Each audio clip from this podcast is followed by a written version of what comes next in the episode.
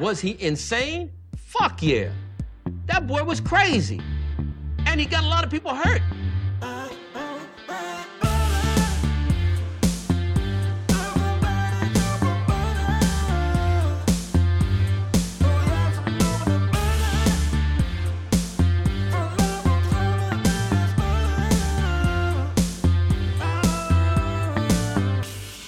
Like butter. I fucking love butter. I fucking love it. What's up, motherfuckers? Welkom bij een nieuwe aflevering van de Zonder van Tijd podcast. De podcast waarin ik niet alleen mijn eigen tijd, maar ook uw hele kostbare tijd ga verdoen met het uitkramen van absolute onzin. Ik hoop dat deze podcast u treft in blakende gezondheid.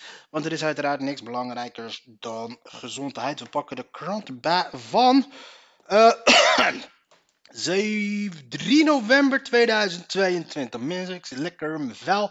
Lekker gesport, lekker vroeg wakker geworden. En de tijd vliegt op een of andere manier. Terwijl ik vrij weinig doe, terwijl ik aan de andere kant wel iets doe. Ik doe waarschijnlijk net iets meer dan ik normaal hoor te doen. Maar ik doe wel iets. Dat is belangrijk. Ik ben wel ergens mee bezig in ieder geval. Even kijken, wat hebben we vandaag? Lichtjes schijnen voor overledenen. Op tal van plekken zijn tijdens allerzielen dierbaren herdacht. En daar dus een discussie. Allerzielen is, allerzielen is dus kennelijk de, de, de, de, de, de, de, de niet-commerciële uitversie van... De niet-commerciële voorloper van Halloween. Gratis naar de tandarts in Leiden. Twaalf mensen hebben in Leiden gebruik kunnen maken van de gratis tandartszorg die worden aangeboden door dokters van de wereld. Deze organisatie biedt hulp. Er zijn maar twaalf mensen met verrotte tanden hier in Leiden. Gaat goed hier. Raad van State haalt streep door bouwvergunningen. Dat is uiteraard waar, jongens. Voor wie dacht dat het land nog, nog dat de onderste van de kan nog niet gezien was. Dat, we, dat de gifbeker nog niet helemaal leeg was. Dat is nog helemaal niet waar. Nou, de stikstof, dus eh, die guy van eh, uit Nijmegen, dus die heeft staat aangeklaagd. De mensen zijn nu boos op hem, omdat hij de overheid heeft gewezen op het feit dat ze zich aan de regels moeten houden. Het enige wat hij heeft gedaan, hij is de staat aangeklaagd. En de Raad van State en kennelijk, de overheid die wou dus wat dingen gaan bouwen om CO2 dus te gaan verstoppen ergens onder de Noordzee. Maar wat ze niet hadden berekend was dus bij het maken van die hele installaties, dan komt er ook CO2 vrij. Maar dat hebben ze dus niet meegenomen. Hebben ze gewoon, ze noemen het geitenpaadjes in de politiek, wat je hoort nu. Maar het, zijn gewoon, eh, het is gewoon frauderen wat ze doen. Door dingen niet te benoemen die eigenlijk wel gaan gebeuren. En dan nu is er iemand die wijst van, yo, de overheid, je moet je aan de wet houden. En de Raad van State zegt van ja, klopt, je moet je aan de wet houden. Eh, dit is niet hoe het werkt. En dan is iedereen nu boos op die man, omdat het allemaal nadelige gevolgen heeft. Weet je, de bouw staat stil, komt stil te staan. Van alles komt nu stil te staan. Al die bouwvergunningen moeten nu herzien gaan worden. En dan alsof het zijn schuld is. Het is niet zijn schuld. Het is de, het is de overheid die de verkeerde de contract heeft lopen tekenen. Die beloftes heeft gedaan in Europa die ze niet na kunnen komen. Het is de en het is de overheid die gewoon haar smoel houdt en dingen onder tafel schuift. En niet open en eerlijk is over wat ze allemaal doen met die stikstof. Dan kan je niet boos worden op hem. Het was hetzelfde als toen met de avondklok. Toen Willem Engel toen de, de overheid aanklaagde omdat ze dan de, de, dat de, de wetten niet had gevolgd bij de avondklokken. Toen werd heel links boos op Willem Engel omdat de rechter had bepaald, oh, hem gelijk had gegeven dat de overheid zijn ding niet deed. Diezelfde rechtsstaat waar zij zo voor pleiten, dat soort shit. En nu zijn ze dan boos op, op het feit. Maar ja, het is, eh die hypocriete mensen zijn gewoon... eh, mensen zijn voornamelijk alleen maar bezig met datgene wat hun zelf eh, het meest dwars zit. Ik durf nu te zeggen dat alle linkse personen die nu komen, superlinkse personen die tegen die boeren zijn, eh, die, nou althans niet tegen de boeren, maar die voor de stikstofplannen zijn van de overheid ten opzichte van de boeren. Maar eh, die, die GroenLinksers en die D66'ers, maar die zitten nu te wachten. Die hebben net eh, van eh, vorig jaar een huis gekocht en daar moeten ze nog wachten om te bouwen. En die vergunningen komen nu stil te staan. Durf te wedden dat die mensen boos zijn op die man. Hoe durft hij? Allemaal pure selectiviteit.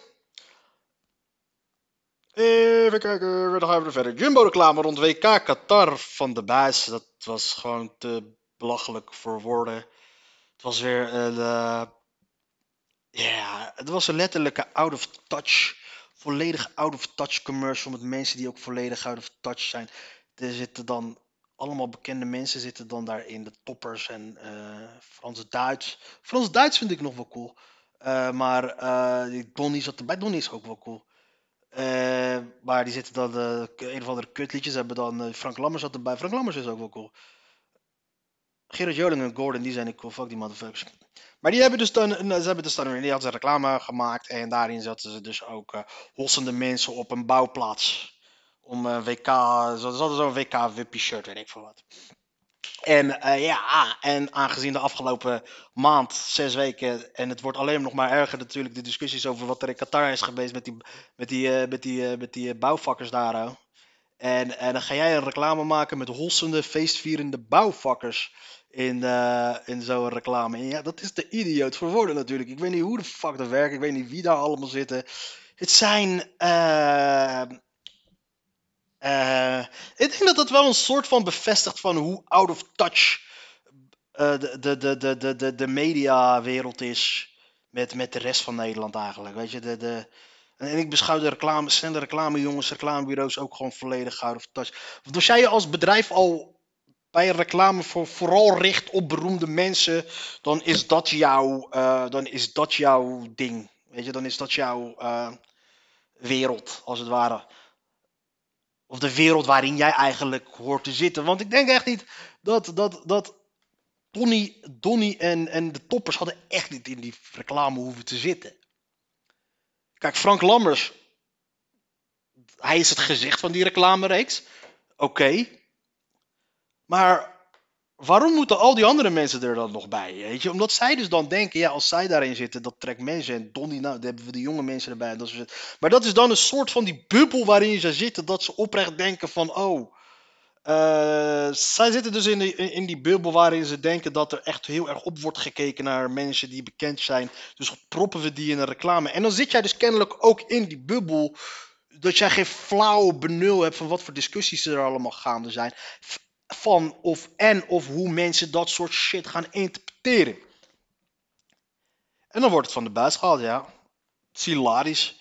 Lekker betalen Jumbo. En op, op exact dezelfde dag krijg je dan ook nog te horen dat die eigenaar van die Jumbo eh, een paar ton cash thuis had liggen. Wat is daar helemaal gek aan? Ik bedoel, wat is er gek aan dat een, een man die 250 miljoen waard is, een paar ton cash thuis heeft liggen? Iedereen van, "Hé, hoe kan dat? Nou, er, zijn, een- er zullen tal van duizenden redenen zijn waarom dat zo kan zijn. Kijk, ik zou dat, eh, ik zou bijvoorbeeld, eh, ik zou geen 2, 3 ton doen, maar ik zou echt wel, misschien nou, als ik 230 miljoen waard zou zijn, dan zou ik sowieso wel een ton cash thuis willen hebben, zodat ik daar gewoon naar kan kijken gewoon en zo gewoon kan, gewoon kan tellen, gewoon zo in mijn zak kan doen en, en, en ermee kan gooien en van alles ermee kan gaan doen, erop kan liggen, tegen me aan kan wrijven.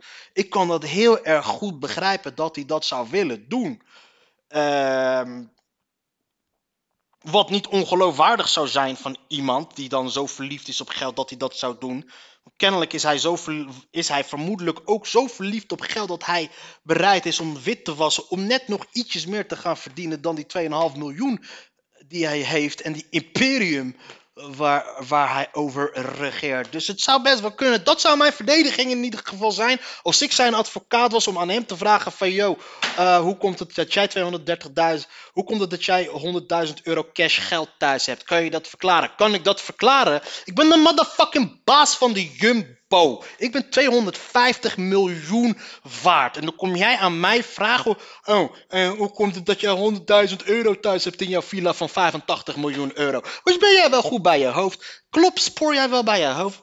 Dat is hoe ik als advocaat dan zou zeggen tegen hem hoe hij zich zou moeten gedragen. Gewoon reverse the script, weet je? Gewoon de, de rollen omdraaien. Weet je, hetzelfde als, hetzelfde als van eh, iemand die... eh Weet je, weet ik veel. Ik bedoel, die gozer van Maroon 5, die gaat nu... eh, blijkt dus... eh of, eh, je nog beter bijvoorbeeld Tiger Woods. Tiger Woods scheen op een gegeven moment 88 verschillende bikini babes te neuken en dat soort shit. En heel de wereld van, oh, hoe kan je dat doen, hoe kan je dat doen? Hoe kan ik dat doen? Ik ben Tiger Woods. En fucking rijk, fucking wereldberoemd. En bitches. En ik kan het doen. Dus dan doe ik het. Dat is dus het verdediging, de Tiger Woods verdedigingsmechanisme moet hij gaan doen. Maar alleen weet ik niet of Tiger Woods dat eh, zo daadwerkelijk heeft gedaan. Dus, eh, maar ja, lekker Jumbo, payen met die hap. en dan gaan we even kijken. We gaan tegen gif. Een column van Haroon Ali. Ja, vorige week had hij wel een goede column geschreven. Graças de Deus. Godzijdank, Luis Lula da Silva heeft de Braziliaanse verkiezingen gewonnen. De voormalige president wordt opnieuw president en stuurt Jair Bolsonaro naar huis. Weg met het fascisme, zijn ge geëmotioneerde supporter na de uitslag. Brazilië kan het niet meer aan, het is genoeg. We moeten de menselijke waardigheid weer gaan respecteren. De hoop van het buitenland is vooral dat Lula de ontbossing van de Amazone woud tegengaat en de longen van de wereld redt. Voor iedereen in ieder geval die nu opgelost is en denkt dat ze verlost zijn van uh, Bolsonaro. Uh, luister eens, uh, hij heeft exact dezelfde marges als waarmee Biden heeft gewonnen. Zijn we verlost van Trump? Nee, we zijn absoluut niet verlost van Trump. Dus het is echt best wel heel erg dom en naïef om te denken dat het probleem Bolsonaro opgelost is. Vooral uitgaand van wat er is gebeurd met Trump na, na de verkiezing in 2020. Het probleem is nog niet opgelost, want de mensen die op hem hebben gestemd, en het waren er 50 miljoen, nee? Hoeveel waren? Ik weet niet hoeveel er waren in, uh, in, in Brazilië, maar het waren in ieder geval 49% of zo. Die zijn er nog steeds. Ik voelde veel opluchting bij vrienden, maar reageerde zelf nogal gelaten. Laten we niet vergeten dat Lula 580 dagen in de gevangenis zat wegens corruptie. Hij noemde dit zelfs een politiek proces en werd na veel juridische getouwtrek uiteindelijk vrijgesproken. Maar zijn arbeiderspartij was wel degelijk betrokken bij meerdere corruptieschandalen. Goed punt, Haroon. De meeste mensen zijn allemaal Hosanna springen. Het is allemaal symboolpolitiek. Het doet hetzelfde dat je allemaal toch met... Uh, uh, je ziet nu als Biden is nu aan het campagne aan het voeren en dan allemaal mensen. Oh, wat een verademing. Obama, we missen je. Obama, wat was je toch geweldig. Oh, you speak so well. Shout out naar Chris Rock. You speak so well. Helemaal vergeten dat, dat uh, president Obama de nummer 1 wedding crasher was. Letterlijk en figuurlijk in het Midden-Oosten met al zijn drone strikes. Uh, laten we vooral niet doen alsof Obama een fucking heilige was. Hij was geen Donald Trump, maar hij was Obama. Hij verpakte het alleen beter. Want waar verschilden ze eigenlijk allebei? Verschilden ze qua belasting, belastingtarieven en dat soort shit? Verschilden zij even het, het, voortrekken van de rijken ten opzichte van de armen? Nee, want het was uh, Barack Obama die heeft de, de, de, de de, tijdelijke belastingverlagingen van George Bush, George W. Bush, had hij permanent gemaakt. Democraat. Hij heeft, uh, hij heeft Guantanamo niet gesloten. Hij, heeft, hij is Libië binnengevallen. Hij heeft al die drones aangevallen. Hij heeft de banken niet. Hij heeft de banken vrij spel gegeven. Zo'n held is Obama niet. Ja, oké, hij was sociaal, sociaal, hij was sociaal links. Weet je. Maar sociaal ook niet echt heel links. Dat, hij, dat werknemers en arbeiders meer rechten kregen. Absoluut niet. Hij was symbolisch sociaal links. Dus schreeuwen, abortus en uh, uh, dat uh, gay marriage en dat soort shit. Maar als het gaat om puntje bij paaltje, dingen die geld kosten. Dingen die ten koste kunnen gaan van de rijken verschilt Obama absoluut niet zoveel van Trump. Biden ook niet, absoluut niet veel van Trump. Maar zal die strategie wonden helen en een verdeeld volk verenigen? Ik vrees van niet. Bolsonaro geeft gelukkig vrijwillig de macht op en zal de grondwet respecteren, maar zweeg bewust over de overwinning van Lula. Eerder brieste Bolsonaro dat hij slachtoffer was van de grootste stemfraude ooit. Lula won bovendien op het nippertje met 51% van de stemmen. Dus de andere helft blijft gedesillusioneerd achter. Zullen de idolaten en geradicaliseerde Bolsominians een nieuwe leider erkennen en zin of zinnen op wraak? Het doet me sterk denken aan de laatste Amerikaanse verkiezingen, toen men nog moest kiezen tussen twee treurige opties. Na de nederlaag van Hillary Clinton wilden de Democraten alles op alles zetten om Donald Trump uit het Witte Huis te krijgen. Hoewel Bernie Sanders en Elizabeth Warren bevlogen waren en jonge kiezers wisten te mobiliseren, bleef Joe Biden uiteindelijk als enige over. Om Trump weg te krijgen moesten democraten stemmen op een redelijke maar slaapverwekkende man die ook zelf nog over eens in slaap wompelt. Sleepy Joe heeft het Amerikaanse volk niet kunnen inspireren. Ook zijn rechterhand Kamala Harris zien we nauwelijks. Ondanks mooie beloften, verbindende slogans en progressieve politieken lukt het ze maar niet om het verbeteren en woedende deel van de bevolking terug te leiden naar het licht.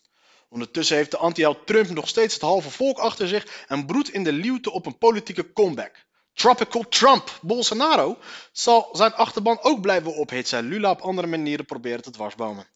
Deze types blijven goedgelovige burgers infecteren met de haat en links heeft geen effectief duurzaam tegengif. Democratie komt steeds vaker neer op keuze tussen twee of meerdere kwaden. Progressieve kiezers moeten op het minst erge alternatief stemmen om fascisme te bestrijden. De rot zit inmiddels overal, op het gehele politiek centrum. Dat verandert, dat verander je alleen door nieuwe integere leiders een kans te geven, die nog onbeschadigd zijn door de politieke schandalen, maar kiezen blijven vallen voor oude wijn in eh, oude zakken. Ik vind ik, van de columnisten hier bij Leidse Dagblad, vind ik Haroun Ali vind ik wel de beste. Want bij hem merk je wel, hij, bij hem, er zit bij hem niet echt een hele belerende dingetje over. Van kijk mij eens even goed zijn, kijk mij eens even de dingetjes denken zoals die eh camper heeft of die Aziatische bitch laatst ook.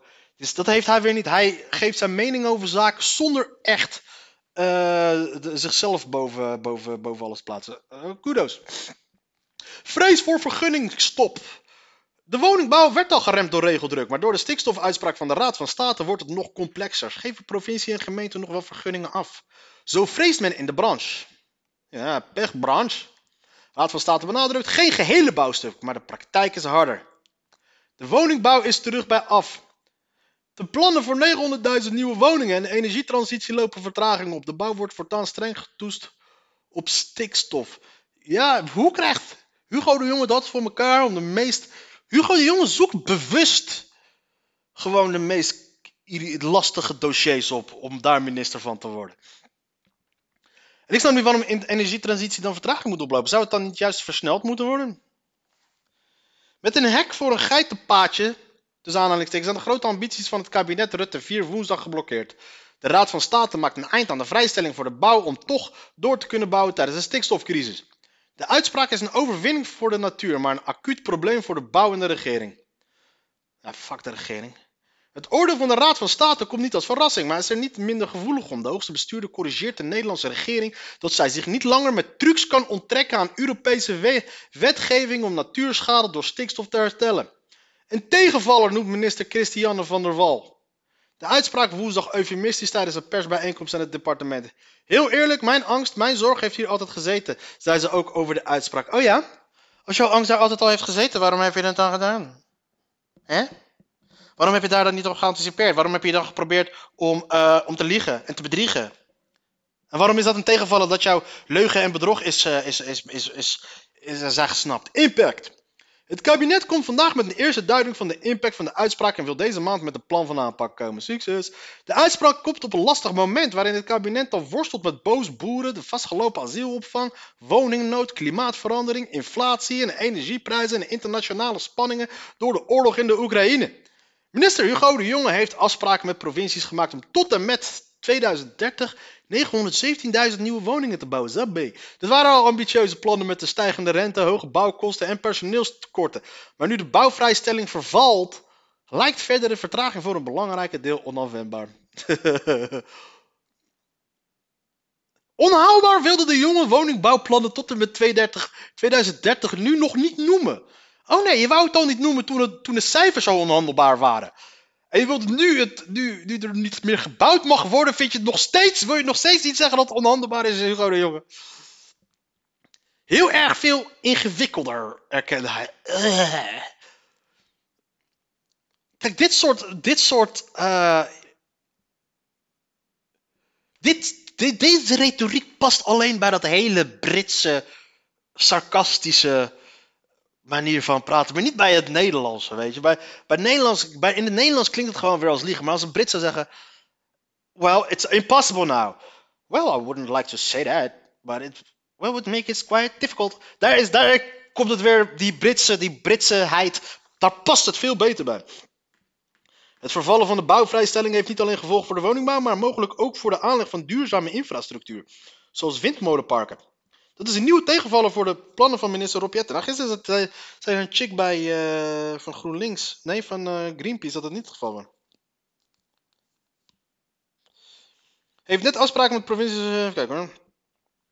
Dit is een nieuwe tegenvaller voor de plannen van minister Rob Jetten. Zelfs als het kabinet alle klimaatplannen uitvoert, wordt het doel de uitstoot van broeikaseffect met 55% in 2030 te verminderen niet gehaald. Met het plan. Het stilvallen van veel bouwprojecten zal verder economische schade met zich brengen. Ook dat is een probleem voor het kabinet dat al vele miljarden uittrekt om de koopkracht te verbeteren, terwijl de wereldeconomie en dus ook Nederland op een recessie afstevend. De vraag is wat de rijkwijde van de uitspraak van de Raad van State zal zijn.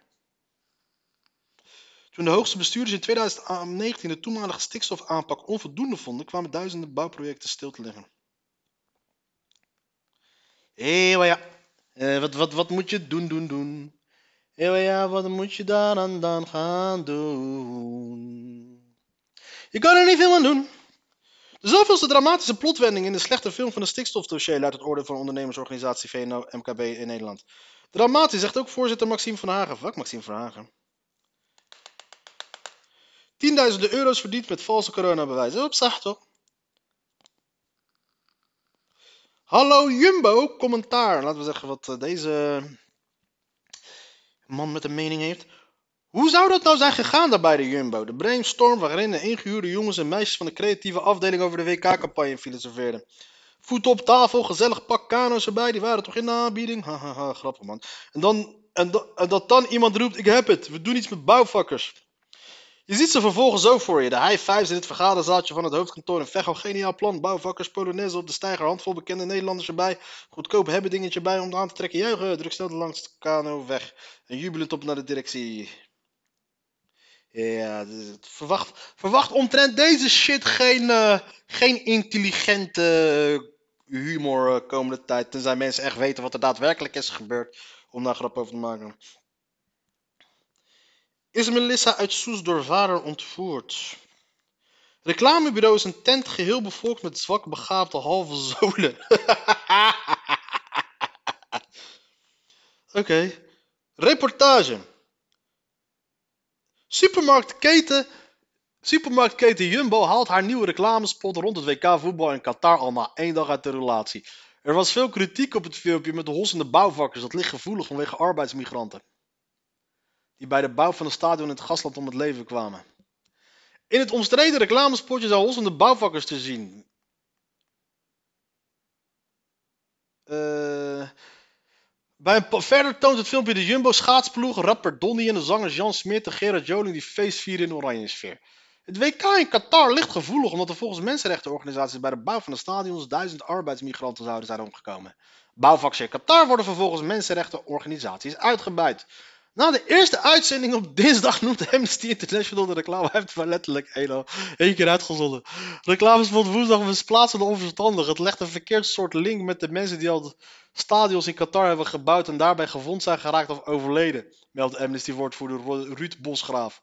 Het is een verkeerd soort lolligheid. Op internet leidt het spotje woensdag nog meteen tot ophef. Amnesty zegt man Bosgraaf, op social media wordt Jumbo, Jumbo gevierendeeld. Deze reclame komt als een boemerang bij Jumbo terug. Eeuw, en dan? Alsof mensen dan nu niet meer naar de Jumbo gaan zijn. Dat besefte de supermarktketen gisteren kennelijk ook, want die trok het spotje onmiddellijk terug. We realiseren ons nu dat in deze reclame een link te maken is naar de erbarmelijke arbeidsomstandigheden in Qatar. Dat is nooit onze bedoeling geweest, stelde Jumbo woensdagmiddag in een verklaring. Dit betreuren we ten zeerste en we bieden hiervoor onze welgemeende excuses aan. Het verantwoordelijke reclamebureau verwijst naar het supermarktconcern. Alle woordvoering over campagnes gaat via de klant. Dat is nu eenmaal de afspraak, zegt Adi. Eddie Salersberger, directeur van Alfred, het bureau dat deze WK-campagne voor de supermarktorganisatie heeft ontwikkeld. Ik heb al diverse telefoontjes hierover ontvangen en iedereen verwijst ik naar de Jumbo, kankerlafaard. Zegt de directeur die aangeeft dat deze misser intern wel tot gesprekken leidt over de vraag waar het is misgegaan. Waar het is misgegaan? Verwondering. In de reclamewereld heerst vooral verwondering over de vraag hoe het ver zo ver kan komen. Ja, tuurlijk. En het is dan, eh, die mensen uit de reclamewereld gaan nu dan een soort van zichzelf de reclame voor zichzelf reclame maken door hier heel open, eh, door hier heel verontwaardigd over te gaan doen en een mening over te hebben. Ja, het zijn mensen uit de reclamewereld. Marketingkenner Frank van den Wallen-Baken, die carrière maakt in de wereld van sport, sponsorcontracten en reclame in de voetballerij en de schaatswereld. Iedereen met een beetje verstand kent de verhalen over de geschonden mensenrechten in Qatar. Dan is zo'n reclamespot gewoon een domme zet. Stomme zet. Jaap Torenaar, bedenker van reclamespotjes met Elfstedentocht winnaar Evert van Benten voor Calvé Pindakaas, noemt het Jumbo-filmpje een onbegrijpelijke misstap. Je kunt heel veel laten zien als het gaat om Qatar, maar geen bouwvakkers. Hij zou het filmpje opnieuw laten maken. Vervang de hossende bouwvakkers door dominees of zorgmedewerkers. Ja, en vervang die BN'ers voor normale mensen. Heeft hij een verklaring voor wat er misging bij Jumbo, Tovenaar?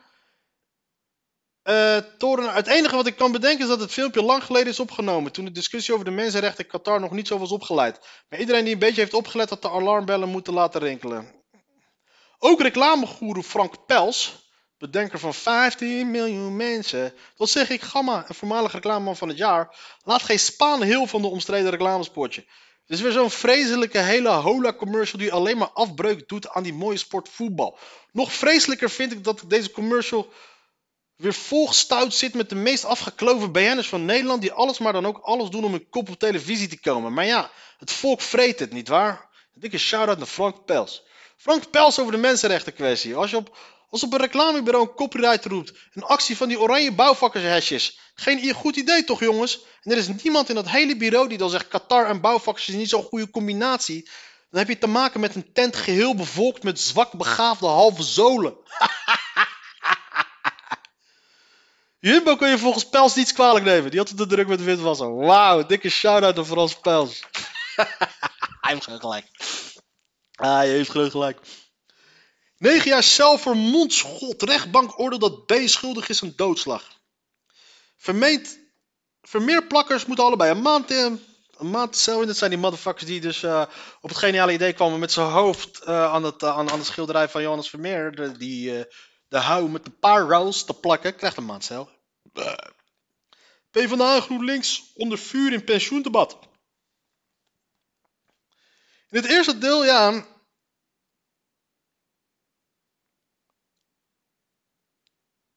Uh, ja, maar de PvdA en GroenLinks lenen zich wel vaker voor hele domme dingen. Zolang ze maar een soort van een klein beetje aandacht kunnen krijgen.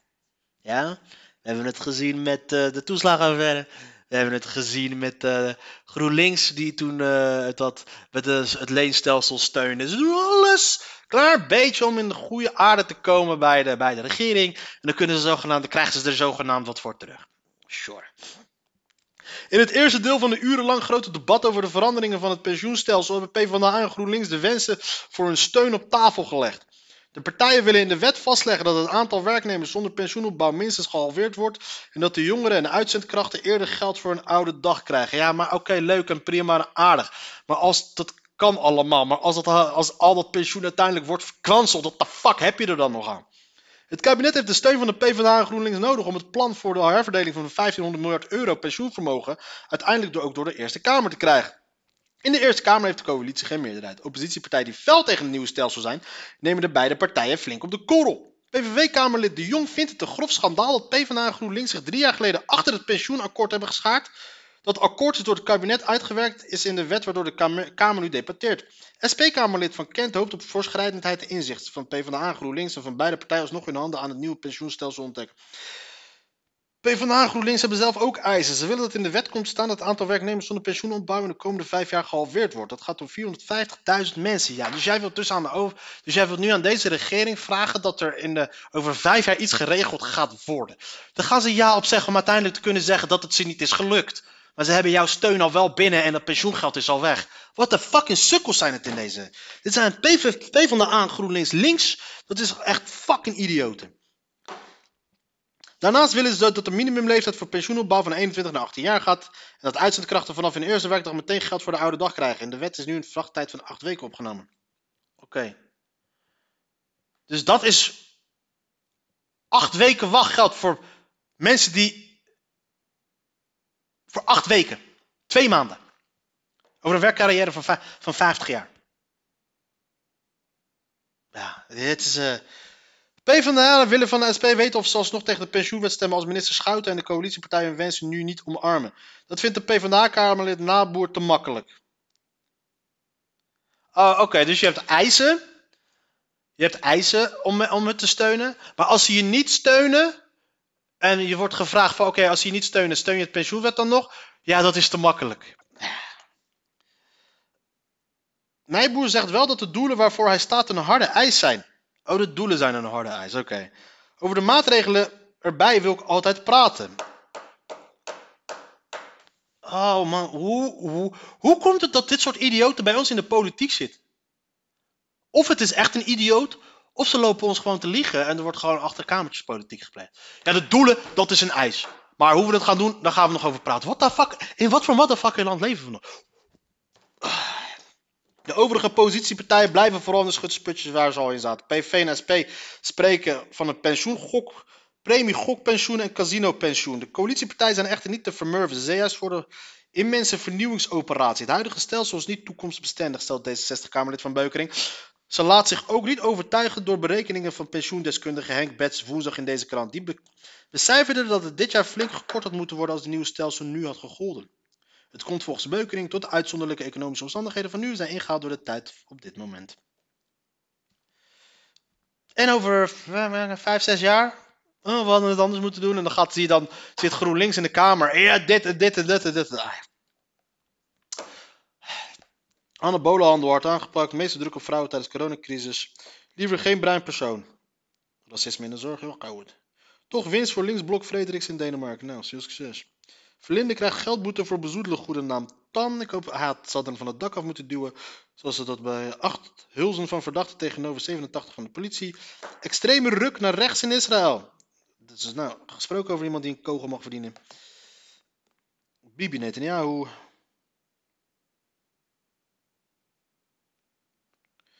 Winkelmuzikaal proces, wie is dit? De musical Aida bekend kleur bij terugkeer in Scheveningen. Oké, nou, zie je, dat is dus wat we doen. In de bubbel van het danstheater. Dit had ik echt nodig. BN'ers laten zich, programma... BN'ers laten zich in programma's mentaal en fysiek breken. Nou, wie zijn deze BN'ers? Ken ik niet, ken ik niet. Dit is die Kai Gorgels. Ken ik van gezicht.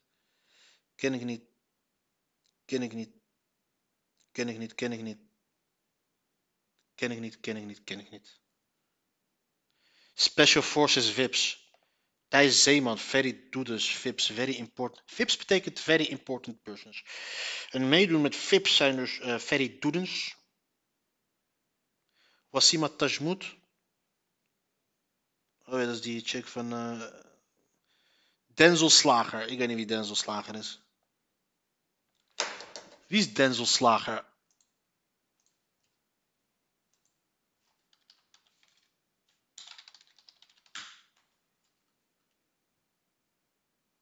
Oh, Slager is de, is de, is de, is de vriend van Femke Louise. En die doet mee met het programma Special Forces FIPS. En FIPS bestaat Very Important Persons. Dit land gaat naar kanker. En eh, niet, alleen al, eh, niet alleen vanwege al die toeslagen van alles. Milieucrisis, bouwcrisis, stikstofcrisis, crisis, crisis. Dit land gaat naar kanker. Dat we tegenwoordig nu de man van, eh, de man van Femke Louise, de meest talentloze, een chick die bekend is geworden. Waarom? Weet ik niet. Ik wist opeens dat ze daar was. Maar kennelijk zingt ze, rapt ze, doet ze van alles en nog wat. Haar man is nu zelfs dus ook een BN'er in dit land.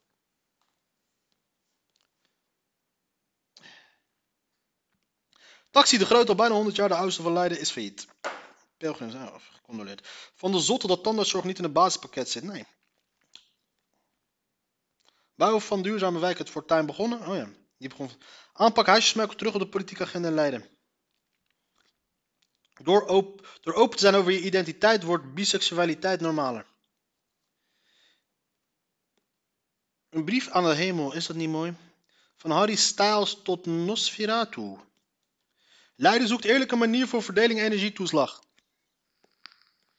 De ultieme teamplayer, de winnaar Timber, gelooft in de winst. Feyenoord vanavond, dus ik hoop dat het wat wordt. Vierde eindtoernooi in met een andere status. Gooien zonder resultaat. Grote doel, Nieke Brinkman. Ja, ah, fijn. Nou. Eh, ja, dat blijven we lekker aan. Ja, dames en heren, voor degenen die nog steeds aan het luisteren zijn. Ik wil je echt hartelijk bedanken. Er is niemand aan het luisteren, want je hoort allemaal privé. Dat niet uit. Ik wil je nog steeds bedanken voor het luisteren. Maar ik moet je toch echt adviseren. Doe wat beters met je motherfucking leven, man. Dit is en blijft namelijk wel gewoon nog steeds zonde van je tijd.